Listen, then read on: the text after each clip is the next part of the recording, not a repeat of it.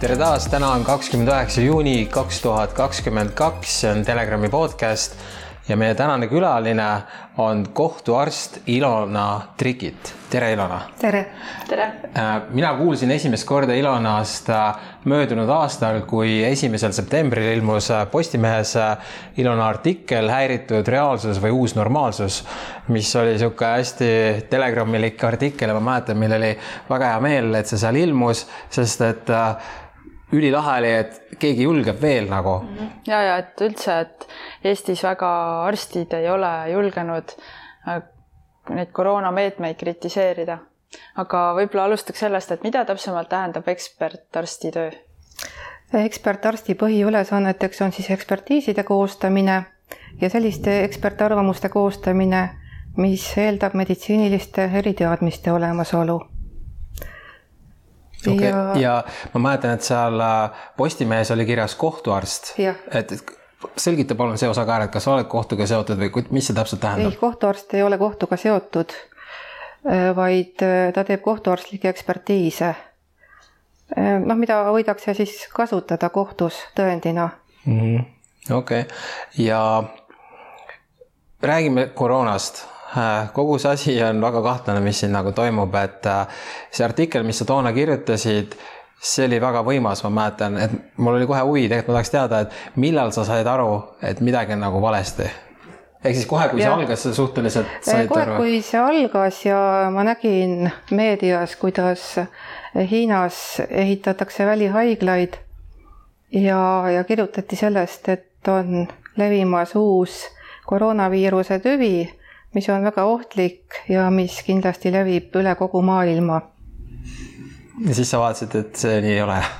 no mulle tundus jah, asi ülepaisutatud. aga kuidas on muidu mõjunud äh, sinu, ütleme siis see artikkel ja võib-olla veel mõningad äh, võib-olla väljaütlemised tööl või, või mida su kolleegid ja nii edasi arvavad sellest kõigest?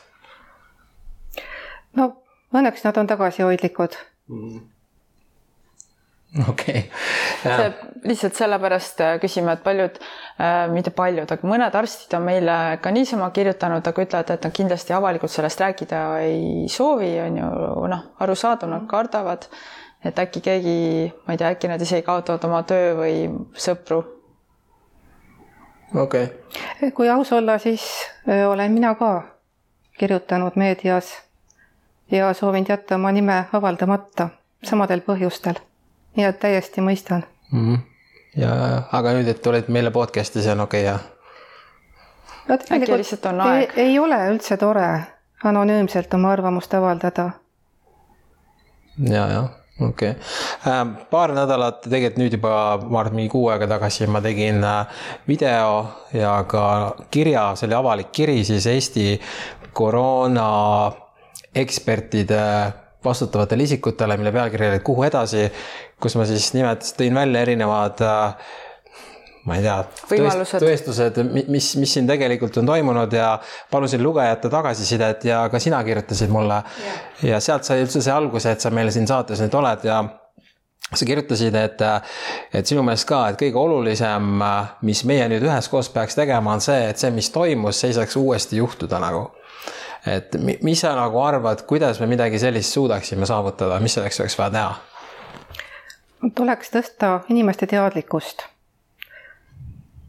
ja praegu on käibel väga palju erinevaid mõisteid, väga palju erinevaid käsitlusi ja kui siin iga päev neid koroona uudiseid avaldati meedias, siis kasutati erinevaid termineid. Üks päev kirjutati, et hospitaliseeriti nii palju koroonahaigeid, teine päev räägiti koroonasse nakatunutest, kolmandal päeval räägiti positiivse PCR-testiga patsientidest. Ja siis igapäevaselt avaldati numbrid, kui palju inimesi suri. Ja ka seal kasutati erinevaid mõisteid. üks päev kirjutati, et suri kolm koroonahaiget, teine päev kirjutati, et suri kaheksa koroonasse nakatunut, kolmas päev kirjutati, et suri kolmteist inimest mm. -hmm. ja minu jaoks see tähendab et tegemist on ise emotsionaalse infoga. jah, et see põhiliselt nagu infoga manipuleerimine on ju. jah. aga mis sa arvad, need, kes neid uudiseid seal siis teevad, kas nad on nii targad, et nagu valida välja neid erinevaid termineid ja inimesi lollitada, mul, ma isegi ei saa täpselt pihta, kuidas nad seda selles suhtes nagu teevad. ei oska kommenteerida aga nad ju tihtipeale võtavad lihtsalt äh, sealt Terviseameti pressiteatest need. jah, Terviseamet muudab oma seda, ma isegi mäletan, et äh, nad algselt ju alguses seal, kus see statistika oli, vaata, seal oli ka kirjas ju, et need äh, positiivse testi saanud inimesed ja hiljem nad muutsid selle ära, kõik olid nakatunud mm. -hmm noh yeah., ja inimene, kes mitte midagi võib-olla ei ole kursis, elab oma elu, vaatab, ongi kõik nakatunud, ta ei saa isegi pihta, mis see tähendab, et see on korralik manipuleerimine. räägikski nendest testidest, et mis see ikkagi tähendab, et kui Terviseamet ütleb, et nüüd seal on nii palju neid nakatunuid, mis see, mis see tegelikult tähendab?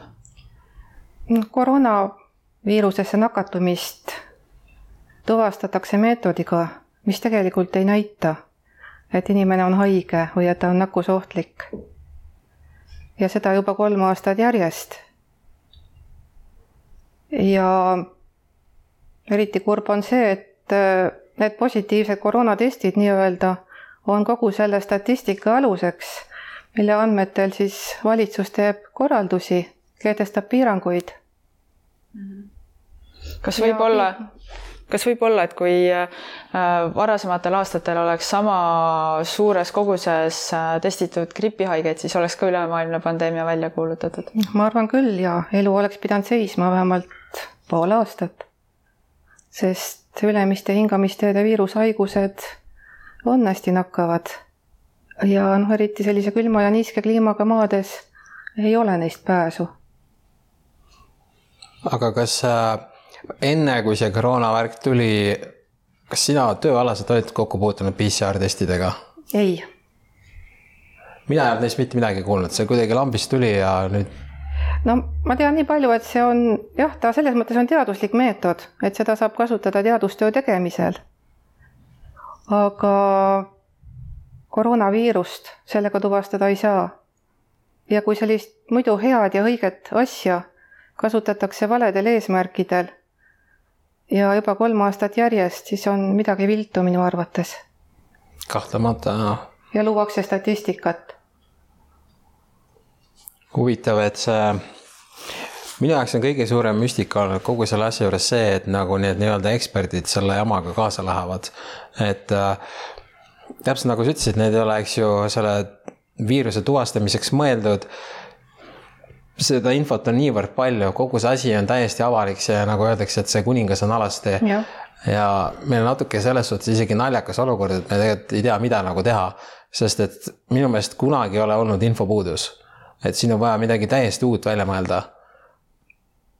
ma ei tea ma küsin siit sinu käest, aga noh, ega sa ka selles suhtes ei tea, vaatame. sa kirjutasid mulle, et see, sihukese asja, et tegeliku haigestumise ja nakatumise statistikat tagantjärgi täpsustada ei saa, aga suremise statistika korrastamine oleks minu arvates võimalik, kui erapooletute ekspertide poolt töötada läbi kõik surmajuhtumid, kus surma põhjuseks on pandud Covid-19 ning pöörata tähelepanu sellele, mille alusel on haigus diagnoositud, millised kaasuvad haigused patsiendil esinesid ja mis põhjusel ta haiglasse sattus. see on niivõrd elementaarne. jah ja aga, aga mingil põhjusel seda ei tehta, mul, me tegime vaata siukest, siuksed need naljameemid on olemas, et äh, tüüp hüppab sealt lang-, ilma langevarjuta alla ja saab surma põhjuseks, eks ju, koroona. Äh, jah, et me tegelikult ju küsisime ka Terviseametilt neid andmeid, nad ütlesid et, et üheksakümmend üheksa protsenti siis positiivse koroonatestiga surnutest et, et üheksakümne üheksal protsendil oli kaasuvad haigused. et sealt minu meelest juba tuleks seda analüüsi alustada, et kui tõesti nagu enamusel olid kaasuvad haigused, siis siis noh, täiesti vastutustundetu on lugeda kõik koroonasurmadeks. jah, sellest see vastuolu tulebki, et see statistika, mida meil iga päev avaldati ja siis see, mida nüüd Terviseamet sinule väitis hästi-hästi mm. jah, imelik, et minu meelest kus, kuskil riigis isegi on seda tagantjärgi korrigeeritud. ja oli küll, kas see oli äkki UK-s või? Äh.... seal, seal võib-olla oli ka niimoodi, et lihtsalt äh, Terviseamet ütleb, et jah, tegelikult on niimoodi. aga Kas- kas- kuna see riigiaparaat on nagu nii suur ja neid ameteid on nii palju ja selle kogu selle äh, koroonakriisiga ei ole ju seotud ainult riigid ise, vaid see on nii ülemaailmselt orkestreeritud ja WHO on seal taga, siis siis tagantjärgi nende asjade noh, ametlikuks tunnistamine peab ju läbima kõik need, kõik need võimukoridorid. Aga kas tagantjärgi saab neid eh, surmasid kuidagi uurida või? no kuna on olemas ikkagi haigusloo andmed, eriti nende kohta, kes olid hospitaliseeritud, et siis saab küll. aga mis selleks vaja oleks, et seda teha? selleks oleks tarvis siis, nii nagu ekspertiisi tehakse, kõik terviseandmed läbi töötada. aga me räägime nüüd ikkagi viimase kahe poole aasta surmadest no see on tohutu töö, loomulikult. Ja, ja et seda üldse teha, siis on vaja ikkagi mm, mingisugust äh, ma ei tea, rahva soovi või mingit suuremat signaali, et see üldse hakkaks liikuma ju. ütleme, me võime siin praegu jaurata, aga sellest midagi ei tule, et, et äh, kuidagi, see peaks kuidagi kella külge panema selle värgi, eks äkki peaks jälle tegema uue petitsiooni, et, et nõuame kõikide nende koroonasurmade ekspert äh, nagu analüüsi. mina ütleks nii, et see on ju tegelikult meie kõigi huvides. Sest praegu on näha, et koroona pole kuskile kadunud. see koroonakampaania ei ole kadunud? jah, et äh, juba valmistatakse meid ette, et juba suve lõpus tuleb uus laine ja võib-olla tulevad uued piirangud. ja nad äh, pikendasid just seda vaktsiinipassi, seda teemat ka. jah, Üle EL-i koroonapassi pikendati kuni kolmkümmend juuni kaks tuhat kakskümmend kolm. Mhm, jah. et see oleks selleks, et äh, statistika oleks tõene ja inimesed saaks teha siis teadliku valiku, näiteks vaktsineerimise suhtes.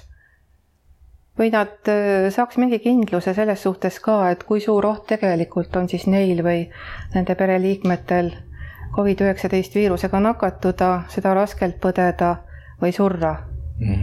Ja, ja kui sa seda saadet vaatad, siis tea, et sul on võimalus võita terve kast neid magneesium-vee pudeleid täiskujul.